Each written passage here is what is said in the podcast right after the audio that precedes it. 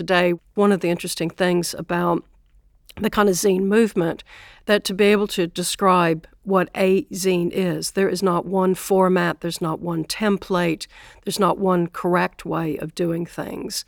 But the overarching kind of commonality is that it's coming from individuals or small collectives who are very passionate, enthusiastic about what they want to say to others and to want to share that in some kind of way. And it's through the diversity or the individual practices where you get amazing graphic languages, you get amazing uh, storytelling and narratives taking place.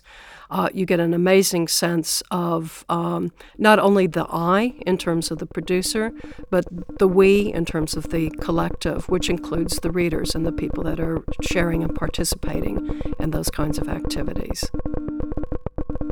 Trained as a historian, curiosity about punk and participation in the Riot Grrrl movement turned Teal Triggs into an avid fanzine collector. A researcher and educator, she currently teaches graphic design at the Royal College of Art in London, where she is Associate Dean in the School of Communication. As the author of several books on fanzines and a tireless communicator, she has become a touchstone in the study of feminist self publishing. Having acquired a vast knowledge of punk publications, Teal Triggs witnessed and participated in the underground feminist movement of the early 90s. Riot Grrrl emerged as a response by groups of women who were close to the spirit of punk but did not feel represented in the eminently male scene and decided to speak out and organize their own spaces and networks. And they did so by adopting punk modes of production while developing their own aesthetic and using zines as a means of spreading the feminist revolution. In this podcast, Teal Triggs talks about the historical background of zines and their key role in generating communities outside the mainstream, from community newsletters to dada publications, by way of science fiction, 1950s rock and roll, and activist zines. Triggs also looked at the relationship between technology and aesthetics and discusses the Riot Grrrl movement and the language and visual universe that opened up as a result of the cross between music, DIY, activism, femininity, and feminism in the self publishing world. We consider as well the displacements, amplifications, and resignifications of zines as a result of the arrival of the internet and of collectionism of the inclusion in archives and libraries and or their transformation into artistic artifacts in the white cube.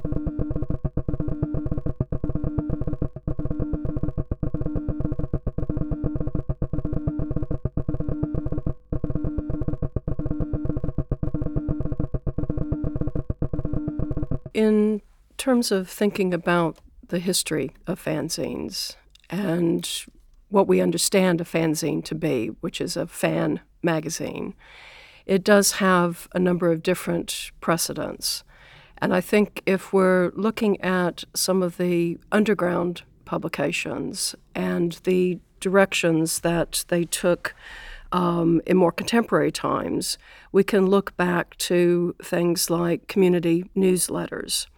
So you would normally get around, say, um, a church organization or some kind of community group, ideas of uh, what it meant to be part of that community, what news items were going on, births, deaths, all that kind of sort of thing uh, being put into these newsletters to be disseminated to the local community. So it was a way of ensuring that the community itself was being engaged, well informed, but also had an opportunity to feed back in. So community newsletters is, is one kind of way. You go back a little bit further, and I think um, our understanding of contemporary zines comes from the, the science fiction realm and the sci fi zines, as they came to be known uh, in the 20s, 30s, and 40s were quite important for fans of science fiction and of particular authors to be able to engage in some kind of way in fandom. So, to become part of the process of understanding what it meant to be um, very much entrenched in the ideas of science fiction, of particular authors, of the storytelling that was taking place.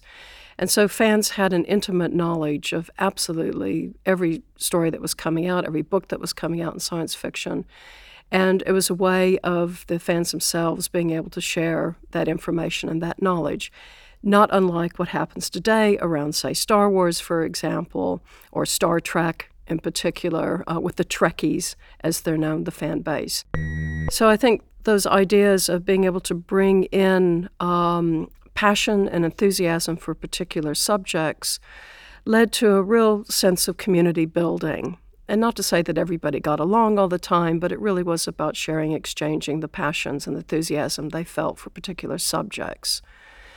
And so you can move a little bit back further and you can look at the samizdat and um, at publications which were alternative to the mainstream partly in response to political conditions. So they were not um, publications that necessarily were uh, in the mainstream, as it were, or in the, the government's perspective, but that they were actually very much flying below critical radar in the sense that they were underground publications that were being filtered through uh, various um, groups and, and political uh, activist in order to communicate about their activities and um, also generate a certain sense of not just an information trail, but enthusiasm for the kind of uh, spirit uh, in which the kind of political activity was being undertaken.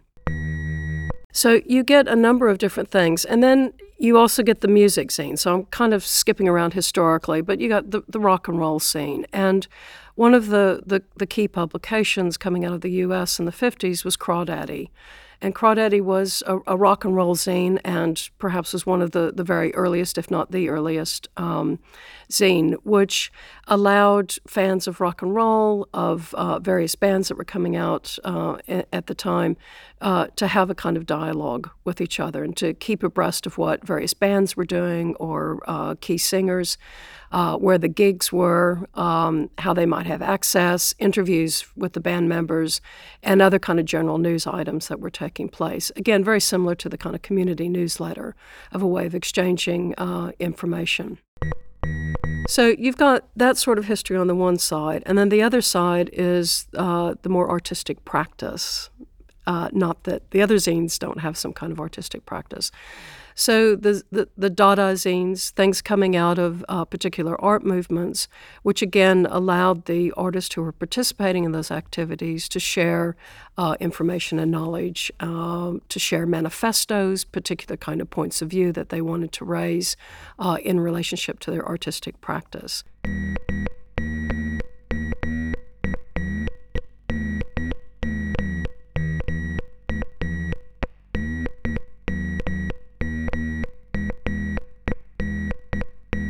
So, if we go back to the science fiction publications and the relationship they had with technology in impacting the aesthetic appearance of the zines, the technology at the time uh, tended to be duplicators. Um, and there were several other kinds. The Gestetner, I think, is one of the production processes, uh, which allowed the, uh, several copies to be made, uh, so you could do you know limited print runs. But they all tended to have kind of a bluish quality to it. It was very much that early technology of, of um, duplication. And so that added, um, in terms of it not being black and white, which you tended to get with the 1970s and the emergence of the photocopier as we know it today, but you would get this kind of softer quality. So when you have things um, which related to quite um, interesting science fiction narratives. So, you know, the man landing on the moon, and all of a sudden the robot is coming out from behind the boulder, and there's an attack on the, the spaceman or what have you. Um, the, the kind of quality to the line drawings that were used, the illustrations that were being used, had a rather surreal quality to it. And so that impacted the kind of aesthetic in terms of sci- early science fiction zines. When you come onto the uh, actual photocopier in the 1970s with uh, punk in particular, you're taking on a much harder line. So when drawings and illustrations were being used uh, in relationship to what had come before, uh, in terms of the softer line, you had a much harder edge to it. It was black and white, and occasionally you'd have the kind of mistakes of the photocopier, which gave it kind of a, a grayness, uh, but always a very gritty quality to it. And what was exciting about uh, the photocopier is it actually helped provide a visual language for what was going on in the music scene in particular. So, you know, when the Sex Pistols were playing or when the Clash were playing, uh, this was about a do it yourself, pick up the guitar, here's the three chords, I'm going to strum it, and therefore I have a song. So it wasn't always smooth. It wasn't always about everything being perfect. It was more about the act of doing it and not being complacent, but actively getting involved in the music scene. So the zines themselves took on that kind of quality where they had a real energy to what uh, the drawings were about that were being used, but even the kind of cut and paste collage aspects, which again has a, a, a long standing trajectory um, in terms of um, art history and also design history. So that kind of mashing up of images uh, during the punk period was really exciting because they were pulling out of mainstream uh, publications, pulling out of newspapers, but cutting them up, pasting them back together to get, uh, in, in such a way that gave a new kind of meaning to what the mainstream press had been doing but also using the, the magazines or the newspapers as a way of uh, referencing. So, not only the different kinds of symbols and ideas that were being presented in the mainstream press, but literally cutting out letter forms and using the, the letter forms themselves to repaste up headlines for the zine and then coming on and drawing, and hand drawing. So you always had this kind of combination of an aesthetic, which was very much kind of machine produced in terms of the magazine quality, but then you had the kind of hand drawn in relationship to that. And that kind of combination gave it a real sense of self, but also a sense of energy in terms of bringing those uh, different kinds of ways of visualizing together in the zines themselves, the producers or the editors are commissioning or asking their friends uh, who are photographers, who may be illustrators, who may be uh, people interested in testing out their journalistic capabilities in terms of narratives. So, that kind of combination of different individuals coming together also added to the richness of the kind of visual language that was being adopted for those particular zines because it was through this kind of collective or collaborative process. The use of um, typewriters and marking pens and crayons uh, were very much whatever people had to hand, uh, either on their kitchen tables or in their back bedroom.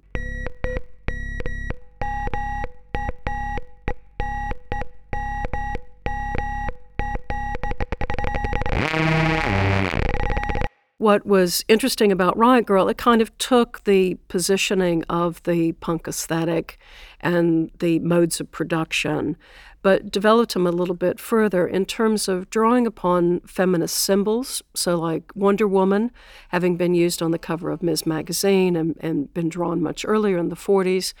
Um, as a kind of uh, strong, powerful symbol of you know feminist thinking and feminist practices, and they would use those on the front covers of the zines, either using the original ones or hand drawing from the original uh, comic character uh, herself, uh, but also adding things like stickers and things that young girls may have in their bedrooms in terms of uh, little stars or little hearts, and stickers being quite popular at one point.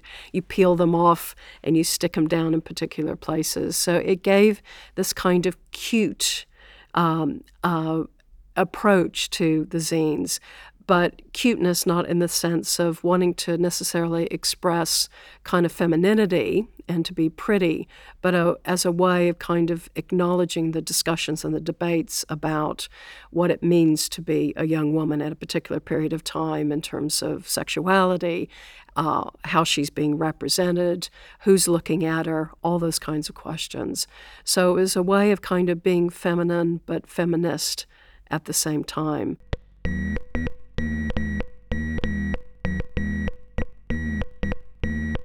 I think, in terms of what independent zines actually mean to both the kind of underground community, the countercultural community, but also more recently in the 1990s uh, with the rise of Riot Grrrl. And in terms of the zine production, being about an empowerment of taking complete control over a process of production. And not just process of production in terms of the sense of the zine itself being produced as an object, but taking full control of the kind of editorial positioning and the content of the zine. So to have these as kind of platforms or vehicles or vessels or receptacles for young women to actually engage in the discourse around feminism more broadly. But with each individual, there were different kinds of ways into understanding feminism. So, whether through looking at issues of the body, issues around menstruation, issues around sexuality, uh, reproduction, issues around equality, and which went right back to the 70s um, and, and the kind of notions of Gloria Steinem and, you know, absolutely proposing, um, you know, equal pay for equal work. Very much the personal as the political. So again, drawing from the 70s and bringing that in into the kind of Riot Grrrl uh, take on what feminism actually meant to the young woman at that time. So you also get things uh, around mental health, uh, around anorexia. So, subjects that are quite difficult to discuss in a more public space were actually being um, understood and shared within the kind of communities that the zines themselves were going out to. So, that notion of being empowered to have a voice, but to also determine where that voice might be represented and who might be at the other end of receiving some of the um, um, kind of personal experiences and the narratives around her own experiences. So, I think those ideas of empowerment of voice, also empowerment of how you want to tell your story, and then the ways in which you tell that and with whom you tell that as well. So if you wanted to uh, bring your friends in on that, it was other ways of kind of sharing similar sort of experiences through the zine itself. Why punk was male dominated, or the, there was a perception that was male dominated, and why it took um, Riot Grrrl almost 20 years later to evolve as a um, more women friendly or women controlled uh, music scene. I would say, in terms of the uh, early punk scene, it was very male dominated in terms of the bands.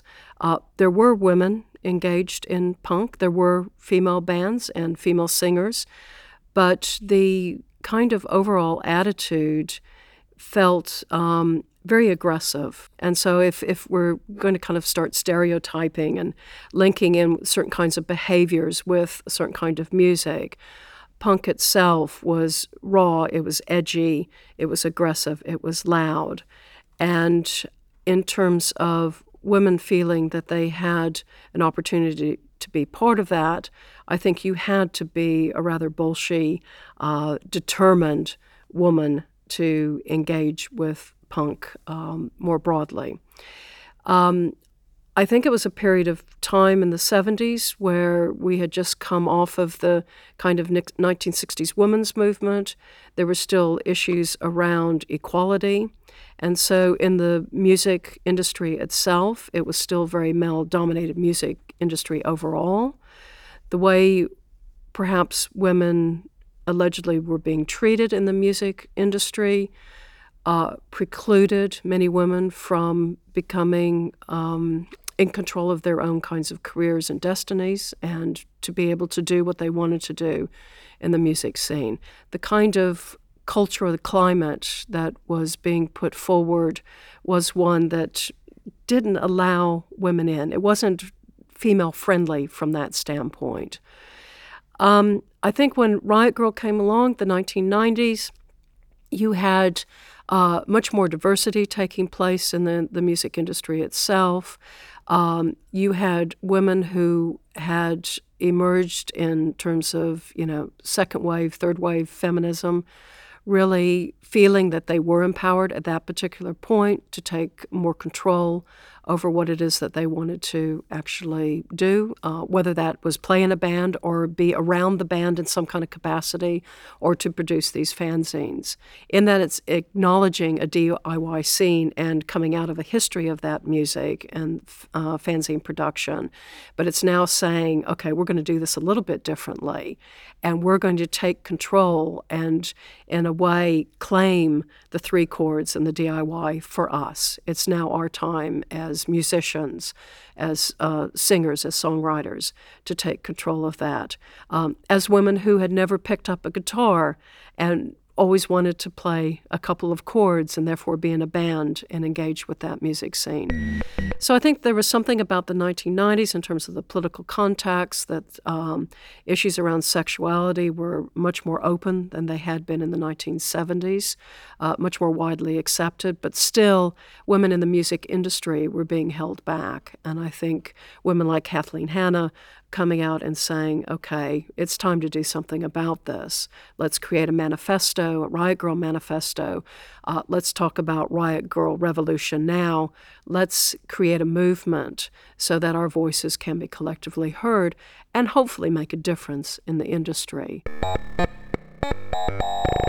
I think Ladyfest is quite interesting in that it was a slightly later phenomenon um, after the original uh, Riot Grrrls, which you could say, in, if as a historian looking back and saying there's phases of Riot Grrrl, the early time, much in the same way punk had a couple of years where it was authentic.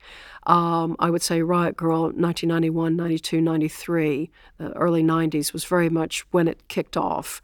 Um, and then it emerged into Ladyfest communities um, and festivals.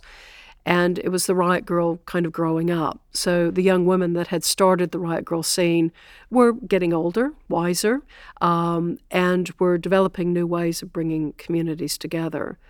So again, sharing with communities. And I think this idea of Ladyfest being in different cities and pulling together different groups of people, uh, but also the women that were going from the different Ladyfest into other Ladyfest, and they were sharing through that network as well, became a very powerful medium. And um, I understand that Ladyfest are still going on today uh, around the world and reaching places and countries where you wouldn't normally consider um, Ladyfest to be, um, but really making a much more diverse and inclusive community oriented activity.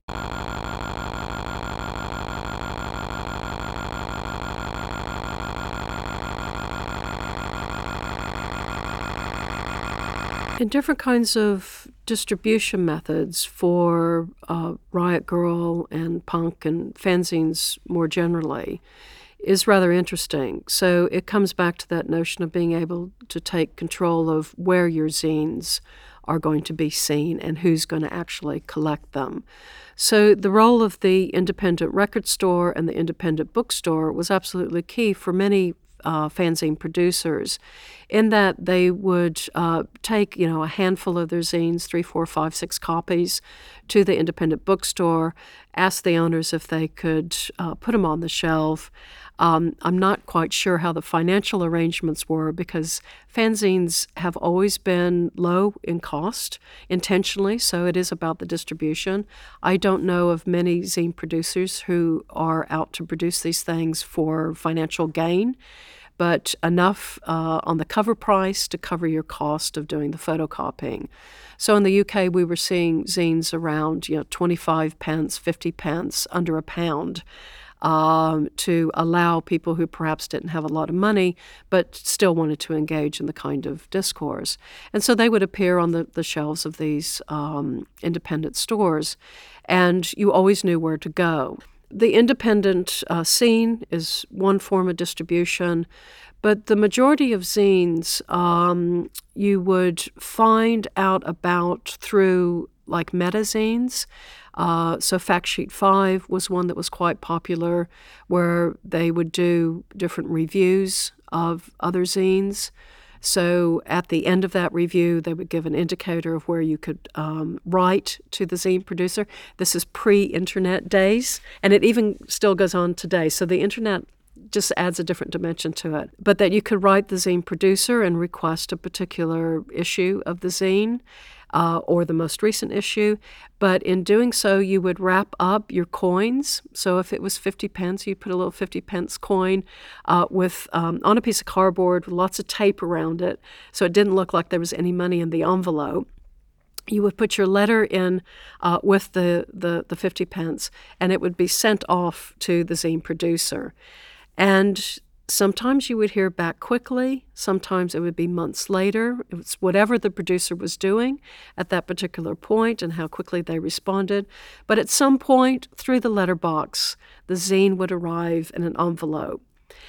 What is fantastic about these envelopes, again, they were quite personalized, and particularly the Riot Grrrl envelopes. So not only did you have your zine inside, but you also had the envelope on the outside decorated in the hearts or the stars or whatever kind of image they wanted to use that was relevant to their zine. But you would always get a letter along with the zine. And um, the letter itself would ask you to give them feedback. What did you think about it? You know, should I talk about other things? Or tell me, does it look good? Does it work? You know, how is it for you? And it was another way of kind of creating that dialogue uh, between the, the person, the reader, and the zine producer. So you've got the independent stores, you've got the um, mail being used, and of course, uh, mail art itself has a long uh, history of, uh, of being a distribution and networking process. I think the web provides an opportunity for a wider reach for zine producers. But it also provides a way for distribution to take place. So, not just individual zine producers doing the web, but kind of what they call distros taking place on the web where they would have um, they would represent maybe you know a dozen uh, or 20 or so uh, zine producers. So they became the kind of little independent shops on the web and would act as the, the store through which you could then purchase the zines. So that digital native aspect is quite important in terms of the distribution. But nonetheless, I think what is important is that it's about individuals talking to other individuals or to collectives and that networking capability which perhaps may have been more local at one point, now has a far uh, greater reach in terms of kind of global networking opportunities.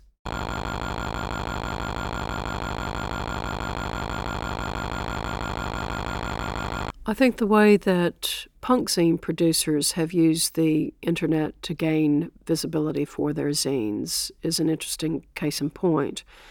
If you look at Tony Drayton's um, online site. He had produced um, Kill, Kill Your Pet Puppy and Ripped and Torn.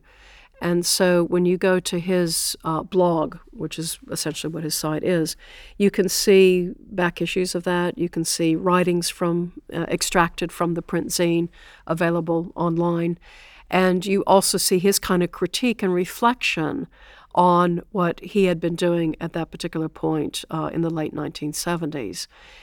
And it also, I think, for Tony and for others, gives a point of continuity. So, whilst they were producing these zines in the 70s, the online technologies have now allowed them to kind of continue their exchanges with the community that they had uh, positioned themselves within um, to share it as a resource, but also some of the debates and ideas still have a platform. So there's still a, an exchange around ideas. And whether or not they're still producing zines, it kind of doesn't matter. Um, that they're finding these alternative ways to continue discussions. Um, and they're better placed, um, you know, online.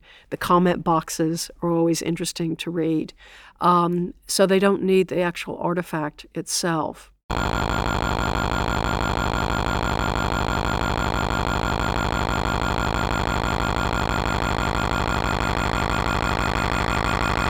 I think for um, historians and the way in which uh, digital humanities has developed in terms of how do we uh, preserve or document our cultural history. Um, you're seeing institutions like the British Museum and the British Library, for example, or the British Library in particular, um, digitizing collections of um, different kinds of publications. So when you see, um, I think it's Spare Rib, uh, up on their website where you can now download those issues. I think it's absolutely important that it gives access to a feminist history that new generations of either students or young women interested in the subject area have not necessarily been able to gain so easily because many of the publications would have been in libraries or in archives. So unless you kind of know where to go for for that information, you wouldn't necessarily have a daily access to it. And so, what the um, online repositories are actually doing is is providing that opportunity to engage with history but I think what we're also seeing in terms of zine production, they're not replicating that history, they're building on it. Now, it also raises uh, questions around ethics. And I don't know that there's an actual kind of resolution to that. And I think anything that's in the digital realm, by its very nature, has ethical considerations. And I think because it's still quite new to us, um, and how to do these things and how people understand the digital and how people use the digital, we're not going to resolve these issues. They're, they're rather complex. And so until the lawyers and the copyright lawyers and all those other people uh, get on board with really looking at this stuff, I think we're always going to have to problematize, you know, what we're showing and what we're not showing. Um, and I think institutions have a um, very important and key role to play in this as a historian, if you're not showing things, that actually means that the diverse communities in which we're engaging may not be fully represented. And so, looking at what's going online, you're getting a skewed vision potentially, uh, particularly within kind of feminist and gender studies. So, you have to kind of respect that aspect, but you also have to respect the aspect that there are many young women who don't want to share in that kind of global, networked, digitized way what has essentially been quite a personal um, endeavor in terms of creating these zines publications. I'd hate to see people being left out of what history might be and what it is and what it potentially could be. But at the same time, you know, people have a right and um, their own way of looking at how they want to uh, produce and distribute their publications. I think that idea of how communities might have a voice in determining how their zines are um, archived, put into collections, become institutionalized, uh, and that process is a very important one. I think um, some examples of that the Ladyfest London uh, in the early 2000s, the organizers of that festival collected around 50 zines that had been uh, distributed during the zine fairs for the Ladyfest London and uh, put those together as a package and donated those zines to uh, the Women's Library, um, which is now housed at the London School of Economics. And the, the librarians there were very much in dialogue uh, with the organizers, but it was the organizers who spoke to the zine producers to get the zines donated. So there was a, a willingness and a knowingness to be put into a collection of zines from Ladyfest. And so that was one kind of early example of ways in which the community itself was helping archive and um, use the zines as documents of that particular festival and the kinds of zines that they were producing uh, at, that, at that point in history. The Glasgow Women's Library was also quite prominent at the Ladyfest in, in Glasgow and in the early 2000s as well. And um, the librarians were also engaged But you will often see uh, zinesters donating their own zines to the public library, uh, the Women's Public Library in Glasgow in particular. Um, other public libraries around the world are collecting zines. And you find that the librarians themselves are very active, either in the scene or know somebody who is. So they're, they're very well connected already. And I think that phenomenon of the librarian's um, strong positioning within different kinds of communities of printed ephemera are really important because they they know they understand they're seeing what's going on um, and they're able to negotiate those spaces I think a bit better than someone coming from outside of the scene saying I want to collect this and put it in an archive.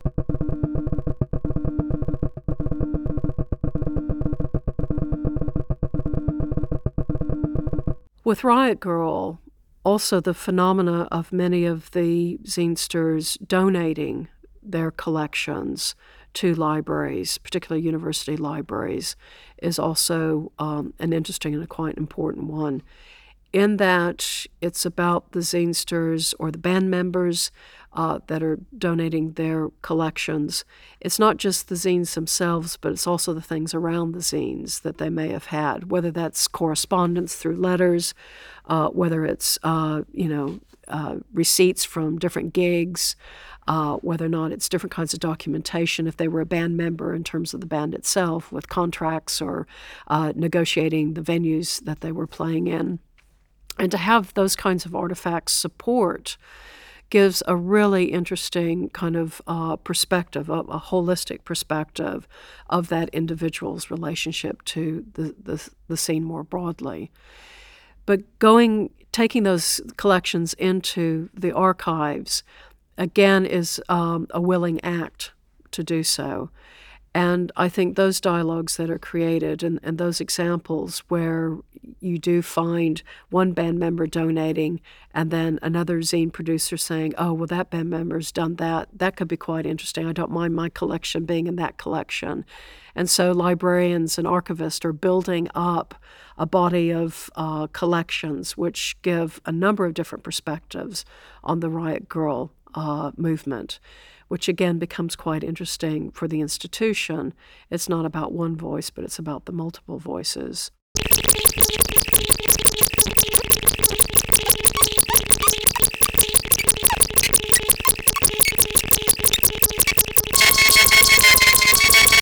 I think the ideas around exhibiting material which has not originally intended to be exhibited in museum spaces, for example, or galleries, um, again, is an interesting question. When my book Fanzines came out in 2010, the way we launched the book was very much about wanting the zinesters that had been involved in the London scene in particular to have an opportunity to exhibit their fanzines. And also, um, it was my way of trying to give back to the community an opportunity. And so uh, I was at London College of Communication, which is part of University of the Arts London at the time. And we put on an exhibition of around 200 zinesters uh, and their, their zines.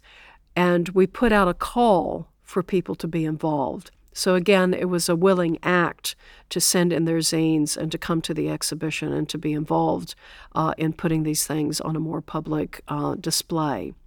And that worked incredibly well because we also said if you want to uh, donate your zine to the LCC library, the librarian, who was a very active zinester herself, would be more than happy to supplement our collection with your zines. So, again, a choice was given, and the intention was clearly articulated with the zine producers themselves.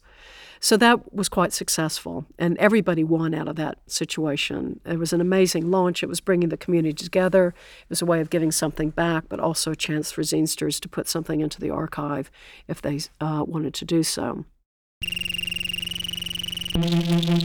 And when you're talking about bigger museums where you've got a, a machine in operation in certain ways and criteria and regulations for doing things, that becomes quite interesting in that these collections, when they go on display in a public museum, the context in which they were intended to be read is altered.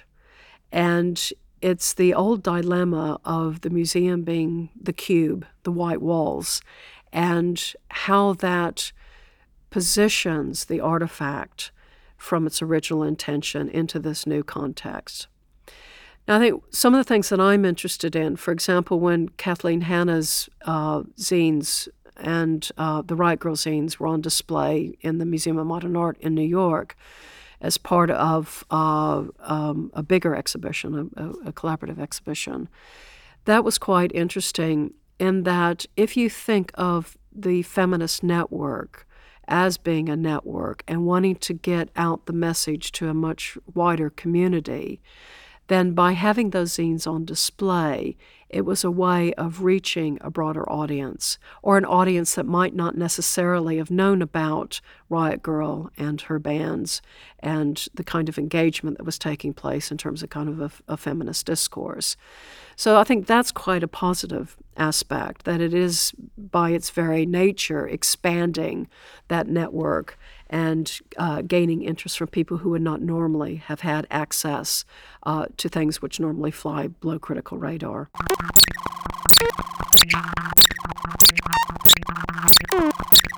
The downside of the zines being put into a museum space is that it's almost counter to their original intention of uh, picking them up, reading them, taking them along with you on your tube ride uh, or your metro ride, um, reading them again, the dog ears on the corners, making marks in them, and engaging with the artifact itself.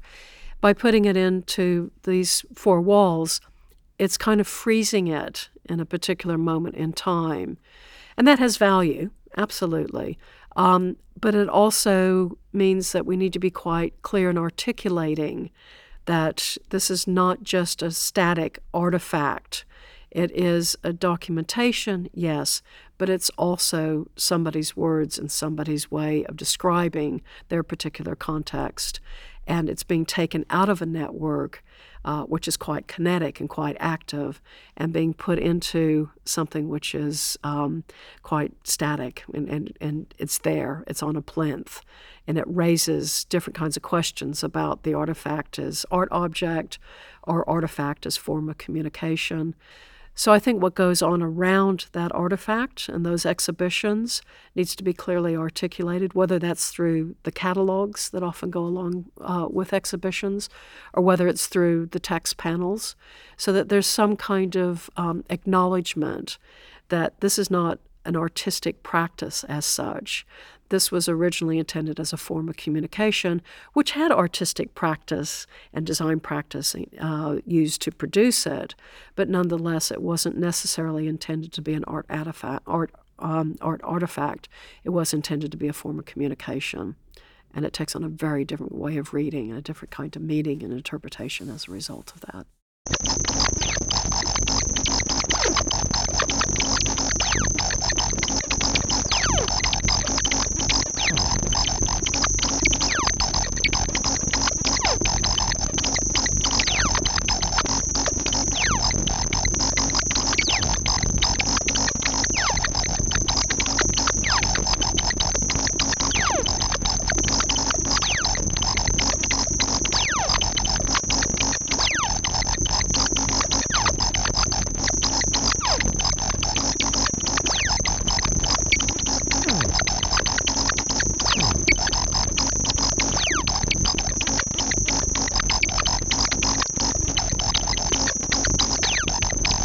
Kind of discussion around what is countercultural and what is subcultural has long been debated in cultural studies.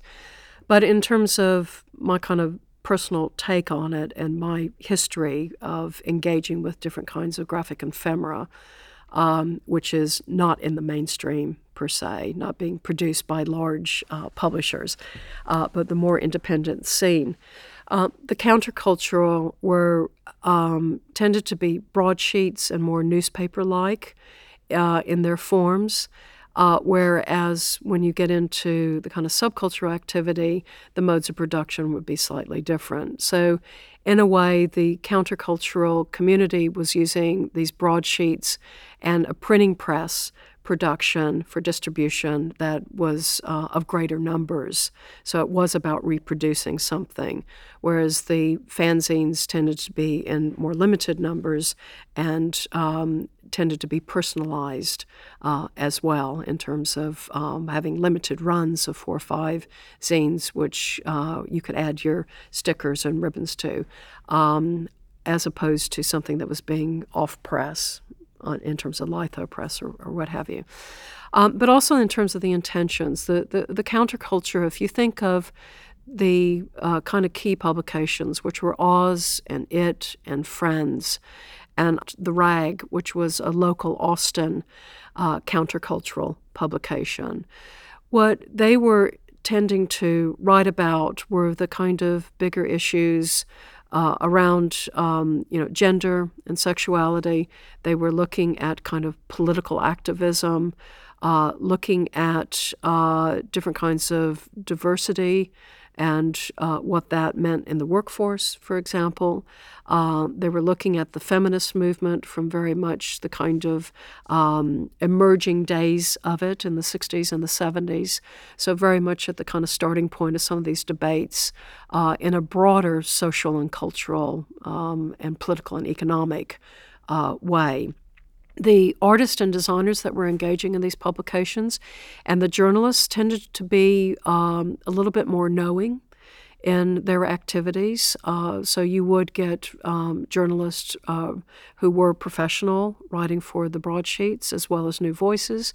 Um, the artists tended to be those that had some kind of artistic practice as illustrators or or fine artists uh, prior to this.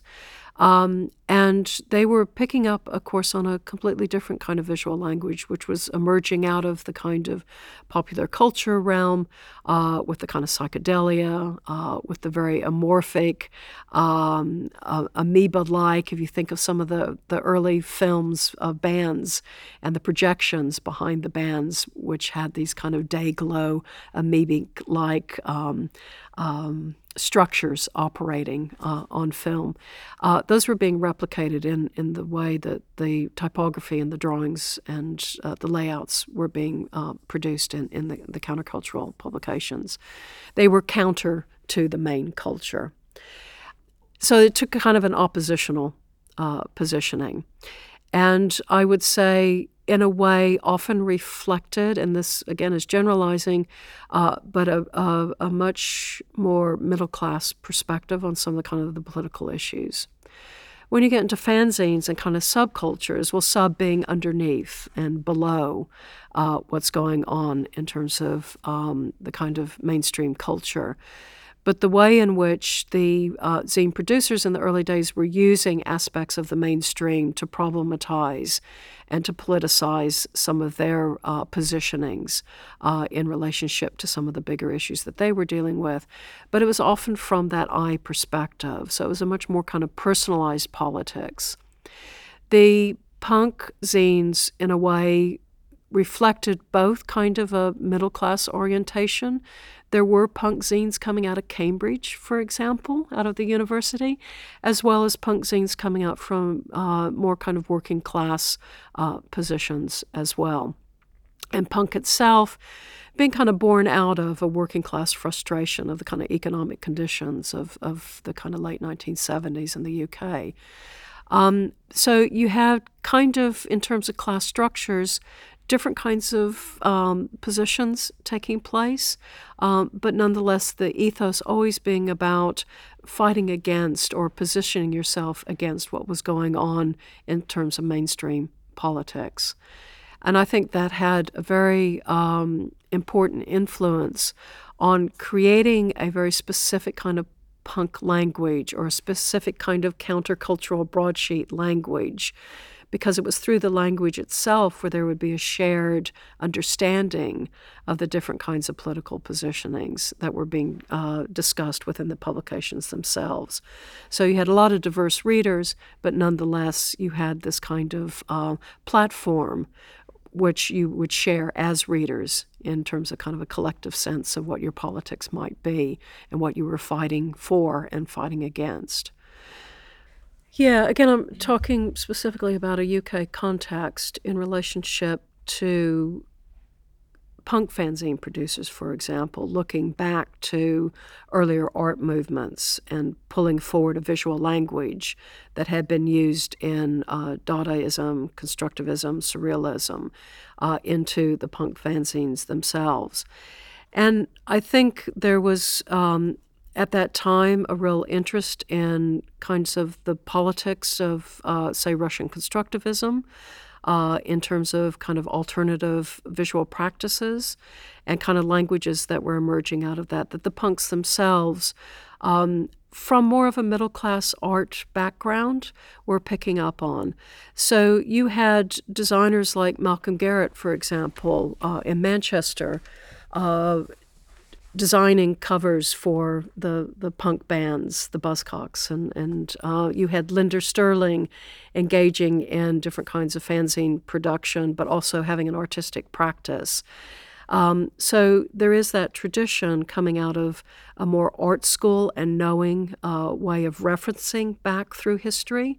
So looking at what was being done with Dada zines uh, and pulling in some of that visual language, either typographically or through this notion of collage, looking at people like Hannah Höch uh, and John Heartfield, and pulling in um, the technique of uh, using mainstream media, newspapers, as a way of uh, mixing up and mashing up the message, but to a different kind of political end. So these references were happening in the art schools, and the zines that were coming uh, from producers that had gone to art school uh, were very uh, knowing in the sense that they were looking back historically and were very much aware of the kind of power and the political positioning of some of that language being used uh, in their current zines and how they were appropriating that to good effect.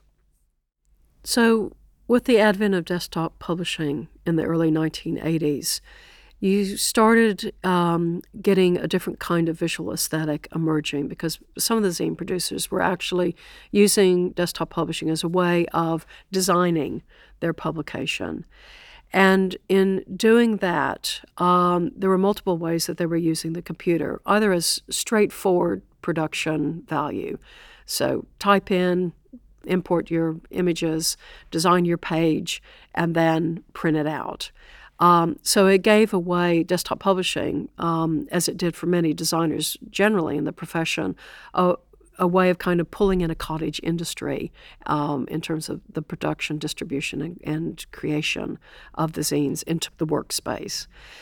What it also did was to give zine producers an opportunity to not only uh, computer generate the zine, but when they printed it out, then they could actually add to the zine as well. So the hand drawn could come back in on top of something that was produced uh, on the computer. Now, both these ways change the kind of aesthetic nature in that your lines of type become quite uniform. Uh, you could do um, something that was range left or range right, uh, and so all the lines were nice and straight. The notion of kind of cutting and pasting and actually seeing the raw edges of the scissors if they weren't sharp enough, or the tearing of letter forms that you might take from magazines and put into uh, this new fanzine itself, wasn't being translated so easily. Um, yes, you could scan typefaces or you know kind of your ransom note cutouts um, and then reposition that into the computer and then print it out again but you're still kind of losing the kind of detail quality uh, of, of the hand and how it was cutting uh, those letter forms out of the, the magazine itself.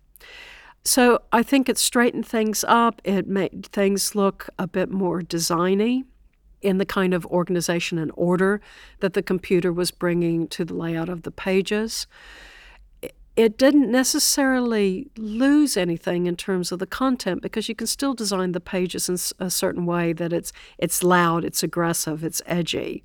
Um, so it still has that kind of impact. I think in terms of what the Riot Grrrls might be doing, I can't recall seeing that many computer generated Riot Grrrl zines. I think that the majority of Riot Grrrl zines that I've come across do tend to still be done by hand uh, and then photocopied. If anything, you would see some of the zines being produced on computer and it would just be the text, but then they would come off and uh, you print those out and then actually use that as a way of pulling in other items and then drawing on top of them.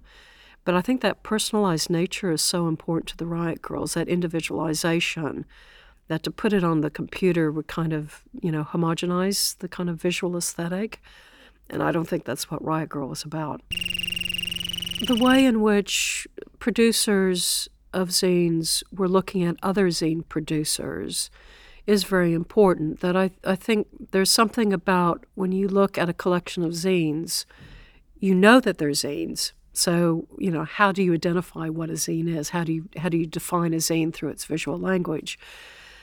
But in the way that the individual zine producers were looking at other zines and drawing from the zines in terms of identifying certain kind of attributes or characteristics, that is really still through a production process rather than an exact replication.